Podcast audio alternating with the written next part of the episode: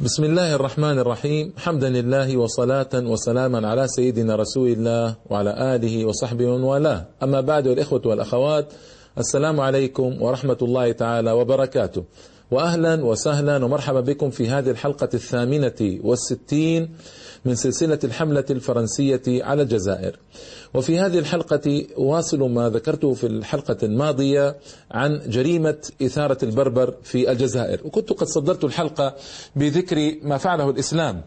من إضاءة هذه المناطق آه، الجزائر والمغرب وتونس وليبيا بعظمة نور شريعته وبقرآنه وسنة رسوله صلى الله عليه وسلم وأن البربر صاروا إخوانا العرب وانصهروا جميعا في بوتقة الإسلام وأنه ظهر منهم زعماء عظام وعلماء كبار آه، شاركوا بقوة في دفع الحضارة الإسلامية إلى الأمام.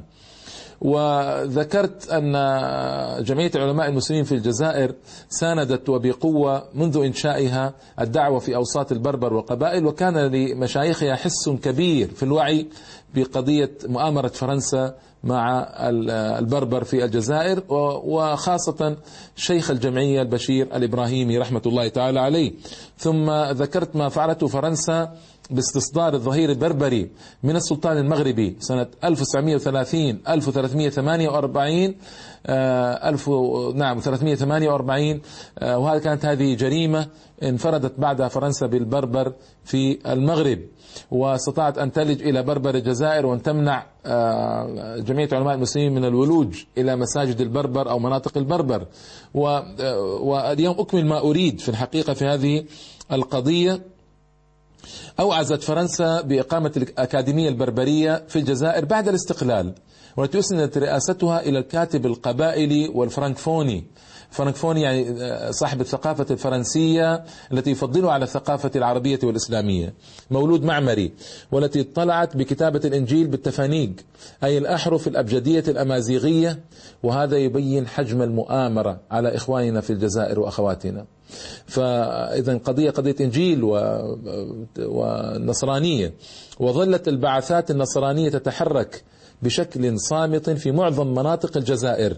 هذا أيضا يقولها الأستاذ الدكتور محمد علي الفرة نعم في مقالة آه، من يقف وراء التنصير في منطقة القبائل في الجزائر. آه، تتحرك هذه البعثات اليسوعية النصرانية في معظم مناطق الجزائر مع تركيز كامل على منطقة القبائل. وكانت السلطات الجزائرية بعد الاستقلال تغض الطرف عن هذه النشاطات لأسباب عديدة منها عدم إحراج فرنسا لأن الكنائس الجزائرية والمراكز الثقافية الفرنسية وغيرها من المؤسسات كانت مرتبطة بالسفارة الفرنسية بالجزائر والتي كانت مرتبطة بالدولة الفرنسية. وأنا أرى ما هذا فيه إحراج أبدا بالعكس أن نصرة ديننا ليس فيها إحراج لأحد. لكن ماذا نصنع؟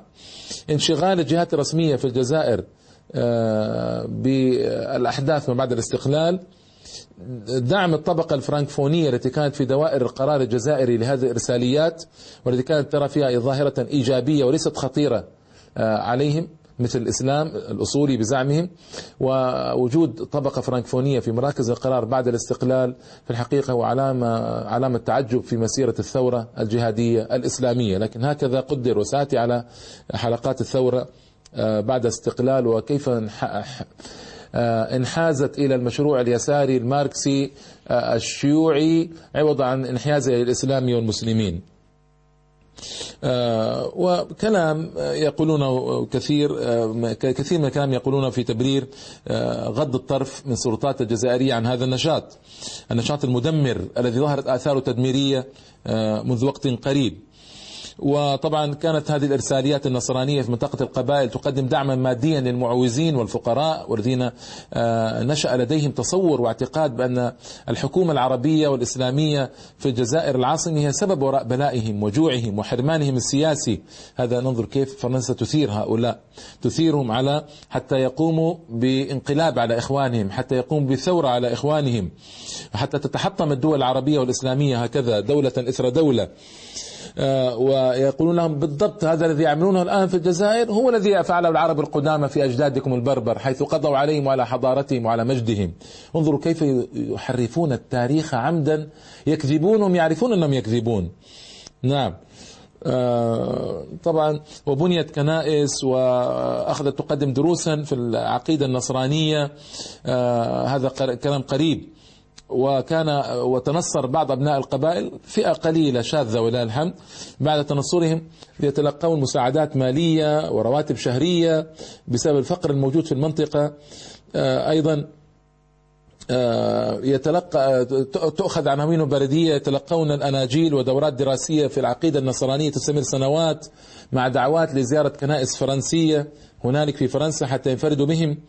وطبعا كلام وكلام طويل. إضافة إلى ذلك قنوات إذاعية تنصيرية موجهة لمنطقة القبائل باللهجة الأمازيغية.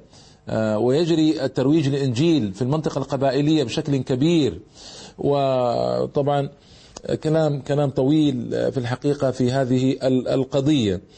آه، وللأسف يعني بعض التيارات السياسية والأحزاب السياسية البربرية التي على رأسها أناس آه، مثل سعيد سعدي وجماعة ما يريدون إيقاف مثل هذه النشاطات لأنهم يظنون أنها بذلك تقاوم المد العربي الإسلامي وهو الذي يريدون. وهذا من شأنه أن يجر عليهم ندما طويلا فيما بعد إن استمروا على عملهم هذا. آه، وجهر أو جهر بعض سكان القبائل بالارتداد عن الإسلام واعتناق المسيحية ولكنهم عدد قليل ولله الحمد. بقي سكان القبائل على وفائهم لدينهم وإسلامهم وشريعتهم. وجاهر البعض بفتح مطاعم تقدم لحوم الخنزير.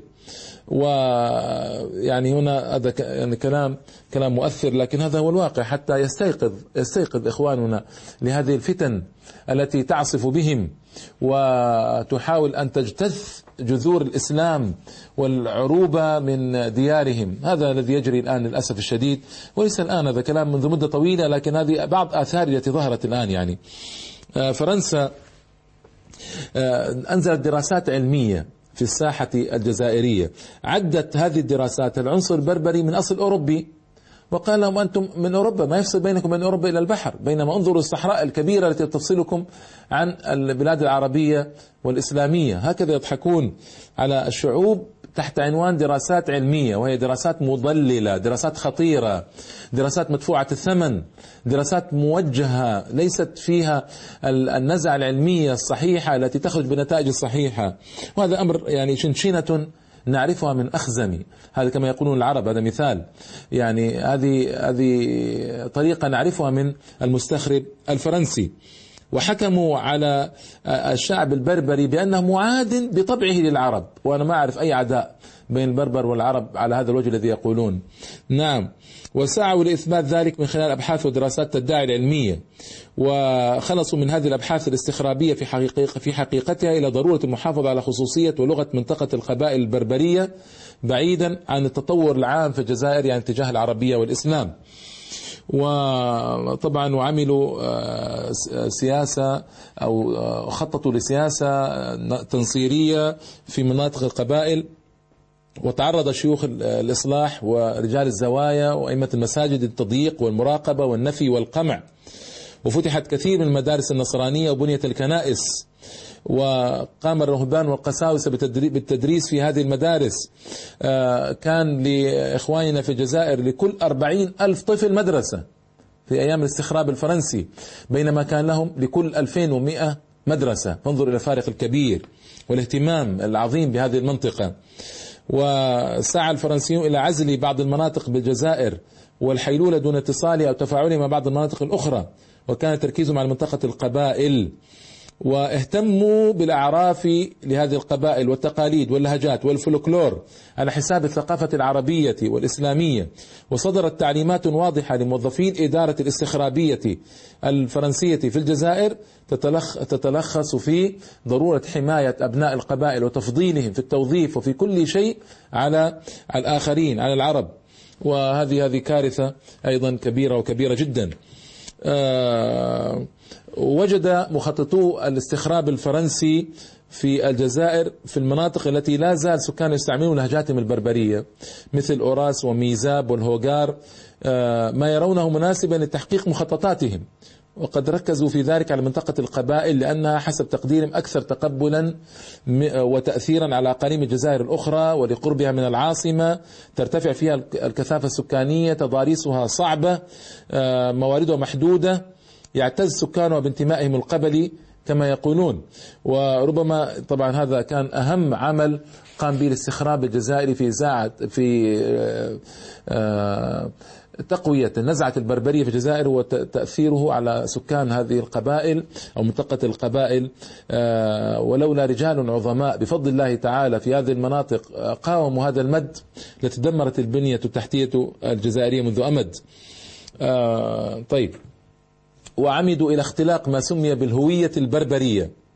وكلفوا عدد المستشرقين لإحياء اللغة البربرية وتجميع بحوثها وطبعها في باريس تصوروا منذ سنة متى؟ يقولون منذ سنة 44 و800 وألف بعنوان قواعد ومفردات اللغة البربرية أي منذ 160 عاما تقريبا. وفي المدة ما بين 1826 إلى 1930 يعني 104 سنوات. مدة صار نشط الباحثون الفرنسيون في إيجاد الأسس التي قامت عليها فيما بعد المسألة البربرية. فظهر رصيد كبير من الدراسات التي تناولت آه، إثنولوجية القبائل آه، يعني عروق القبائل من حيث عاداتهم وتقاليدهم وأعرافهم ورواياتهم الشفوية وتراثهم الفلكلوري والمظاهر الاجتماعية والدلالات اللغوية. انظر كيف يصنعون. 104 سنوات من الدراسة. ما يملها ما يملون هؤلاء أبدا ولا يكلون. آه نعم. آه طيب. وفي عام 1885 آه استحدث مدرسة الآداب الجزائرية كرسي لدراسة اللهجات البربرية. يمدح يمنح يمنح شهادة في معرفة اللسان القبائلي. ينال الحاصل عليها علاوة مالية سنوية قدرها 300 فرنك. ثم شهادة عليا في اللهجات البربرية.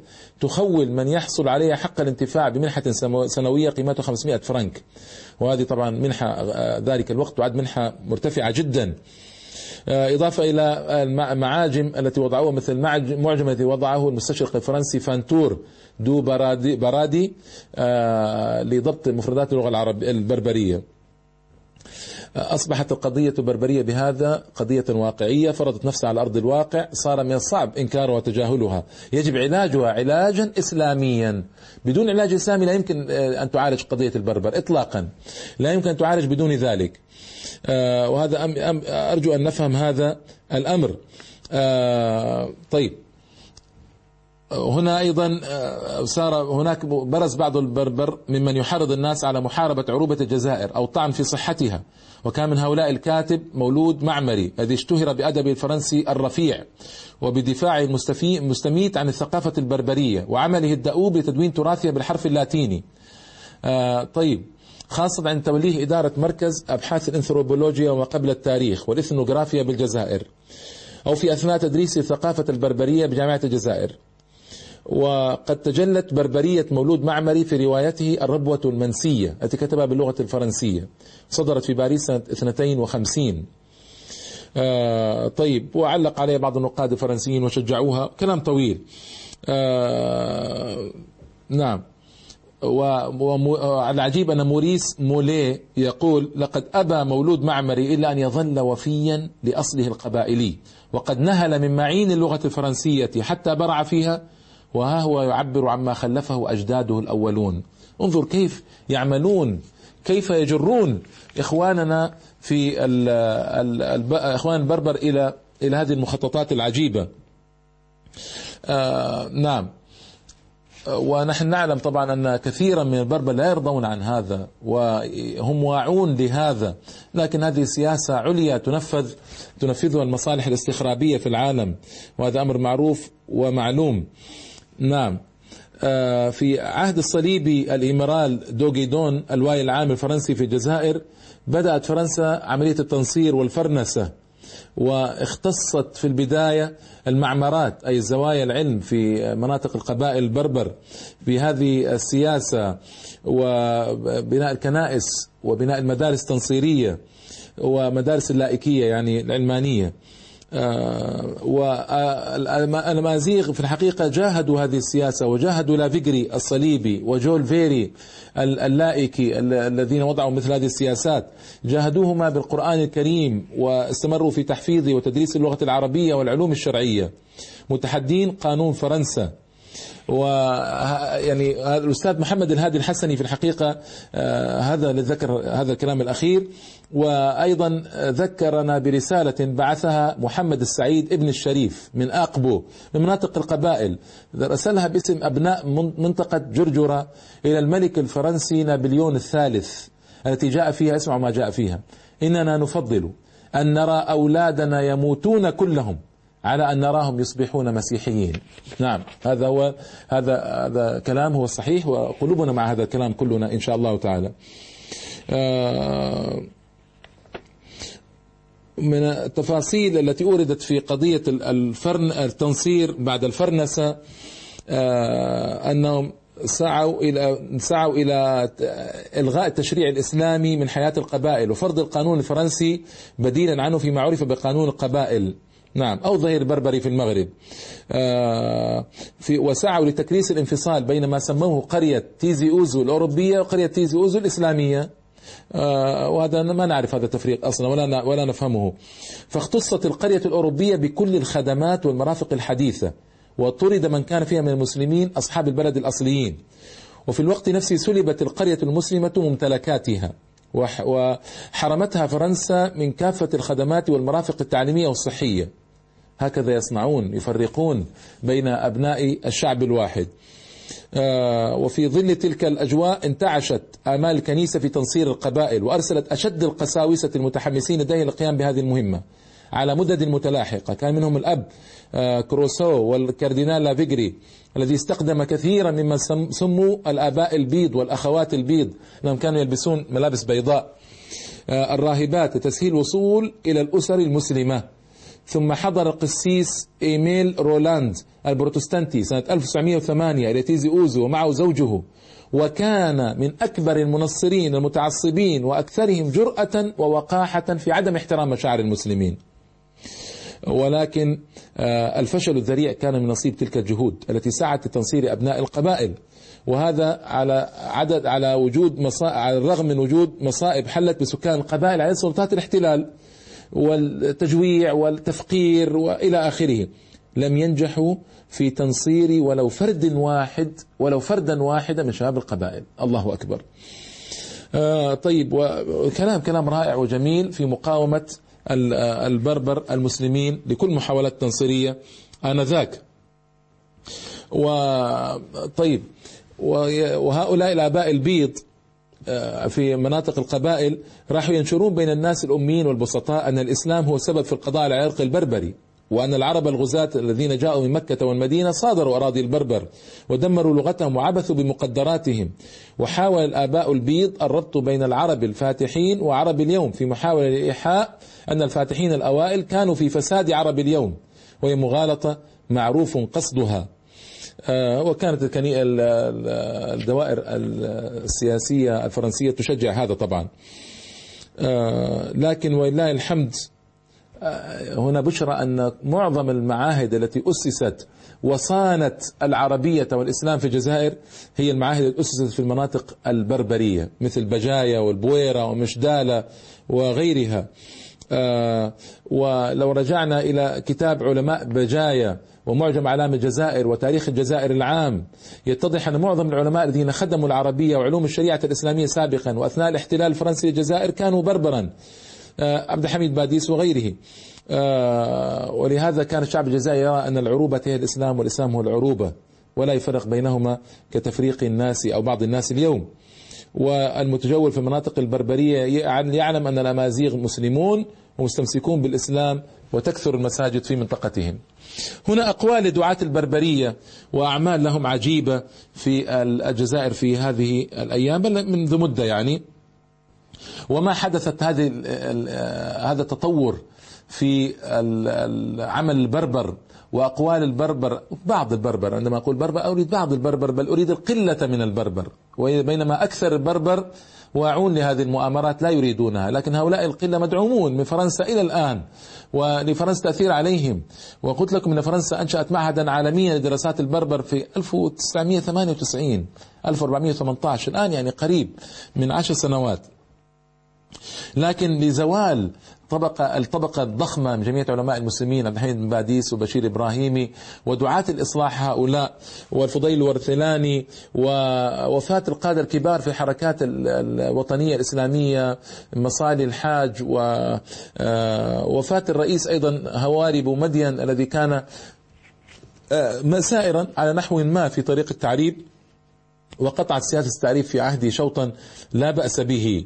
وفي ظل يعني أن هذه السياسة سياسة التعريب لم تستمر في الجزائر بعد ذلك ظهرت ظهرت آه، آه، رموز بربرية لا تمثل البربر اطلاقا ولا تمثل المسلمين ولا تمثل التوجه الصحيح لجمع بين البربر والمسلمين وحاولوا أن آه، يعملوا أشياء في محيط البربر غير مقبولة وتحدثوا بحديث غير مقبول اطلاقا.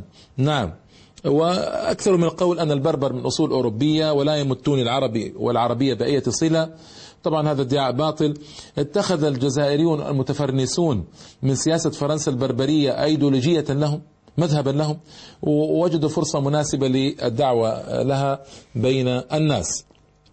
نعم. واتخذ دعاة البربرية مبدأ معاديا. هنا في الحقيقة نحب أن أورد بعض النقاط التي أوردها الباحث والمؤرخ الجزائري الدكتور ناصر الدين سعيدوني في بحثه المسألة البربرية في الجزائر المنشور في مجلة عالم الفكر في المجلد الثاني والثلاثين إبريل 2004 يعني قريب. قال اتخذ دعاة البربرية مبدأ معاديا للثقافة العربية باعتبار عوامل هدم للهوية البربرية وطمس للتراث البربري. وقد أدى بهم هذا الموقف إلى تجاهل الماضي الإسلامي للجزائر. هذا هو هذا هو مربط الفرس هنا. ودفعه ودفعهم ذلك للقيام بحملة عدوانية ضد اللغة العربية. وعد وعدوها عنوان تأخر ورجعية. فضلا عن كونها لغة غزاة ووسيلة قمع وعنف تمارس ضد الطفل القبائلي الذي يفرض عليه تعلمها في المدارس. أرأيتم كيف يعملون؟ إذا القصد هو الإسلام والعربية التي هي لغة القرآن. هذا هو القصد أيها الإخوة. من البربر فكونوا واعين لما يراد بكم. كونوا واعين. لا نعيد مرة أخرى الاحتلال الفرنسي البغيض إلى بلادكم. لا تعيدوا الاحتلال الفرنسي البغيض إلى بلادكم بأيديكم. ليس المقصود أن يعاد عسكريا. فقضية العسكر هذه انتهت ولله الحمد إلى الأبد. إن شاء الله تعالى. لكن المقصود أن يعاد فكريا وثقافيا أن ينشأ البربر وهم موالون لفرنسا. وهذه قضية خطيرة والخطيرة جدا. أن ينشأ البربر وهم مبتعدون عن إسلامهم ودينهم ولغتهم ولغة القرآن. وهذه القضية الخطيرة والخطيرة جدا. نعم. آه النقطة الثانية اعتبار القبائلية البربرية لغة لجميع البربر وجعلها في موقف تنافس بل عداء مع اللغة العربية. ولم يقبل آه، دعاة البربرية بالتوقف عند هذا الحد بل ذهبوا إلى أبعد من ذلك. ماذا ماذا ما هو أبعد من ذلك؟ ذهبوا إلى تصفية اللغة البربرية من المفردات العربية. وطيب ماذا صنعوا؟ تعويضها بألفاظ مشتقة من الفرنسية. إذا مؤامرة واضحة. يعني مؤامرة واضحة بشكل كبير. آه، وهذا مثل ما فعل الهالك مصطفى كمال اتاتورك في تركيا عندما عمد آه، بعد بعد الثورة الكمالية كما يقولون إلى تنقية اللغة التركية وتنقية هذا مصطلح استخدموه من كل الألفاظ العربية والإسلامية وتعويضها بألفاظ أوروبية. قال لهم ابحثوا عن أي لفظ كان سوى هذا اللفظ العربي الإسلامي. قضية قضية مؤامرة قضية حقد دفين على الإسلام والمسلمين وعلى العروبة. نعم. و... وينفرون هذا البربر ينفرون من است... هؤلاء البربر المتفرنسون يعني ينفرون من استخدام تحية الإسلام السلام عليكم ويستبدلون بها عبارة azul fellawen أو مثل هذا ما أعرف أنا البربرية ما أعرف كيف تنطق. وفضلوا الحرف اللاتيني ليحل محل الحرف العربي. إذا مؤامرات كبيرة وكبيرة جدا. ثالثا من الأمور التي قام بها البربر جدد هؤلاء بعضهم يعني تفسير التاريخ وفهمه انطلاقا من الموقف المعادي للموقف العربي الإسلامي للجزائر بحجة ضرورة مصالحة الجزائر مع هويتها البربرية وماضيها الوثني الذي يرمز إليه ماسينيسيا ماسينيس ماسينيسا آه، وقيمها النصرانية التي يمثلها القديس أوغسطين الذي ولد وعاش في الجزائر وبذلك تجاهلوا المدة الإسلامية من تاريخ الجزائر. وتجاهلوا قادة وأبطال البربر المسلمين على رأسهم طارق بن زياد ويوسف بن تاشفين ومحمد بن تومرت وعبد الحميد بن باديس وأعادوا إحياء زعماء البربر قبل الإسلام مثل ماسينس ماسينسا ويوغرطة وتكفاريناس والكاهنة وكسيلة وعدوهم رموزا لمقاومة الوطنية. لأنهم قاوموا الفتح الإسلامي لبلادهم.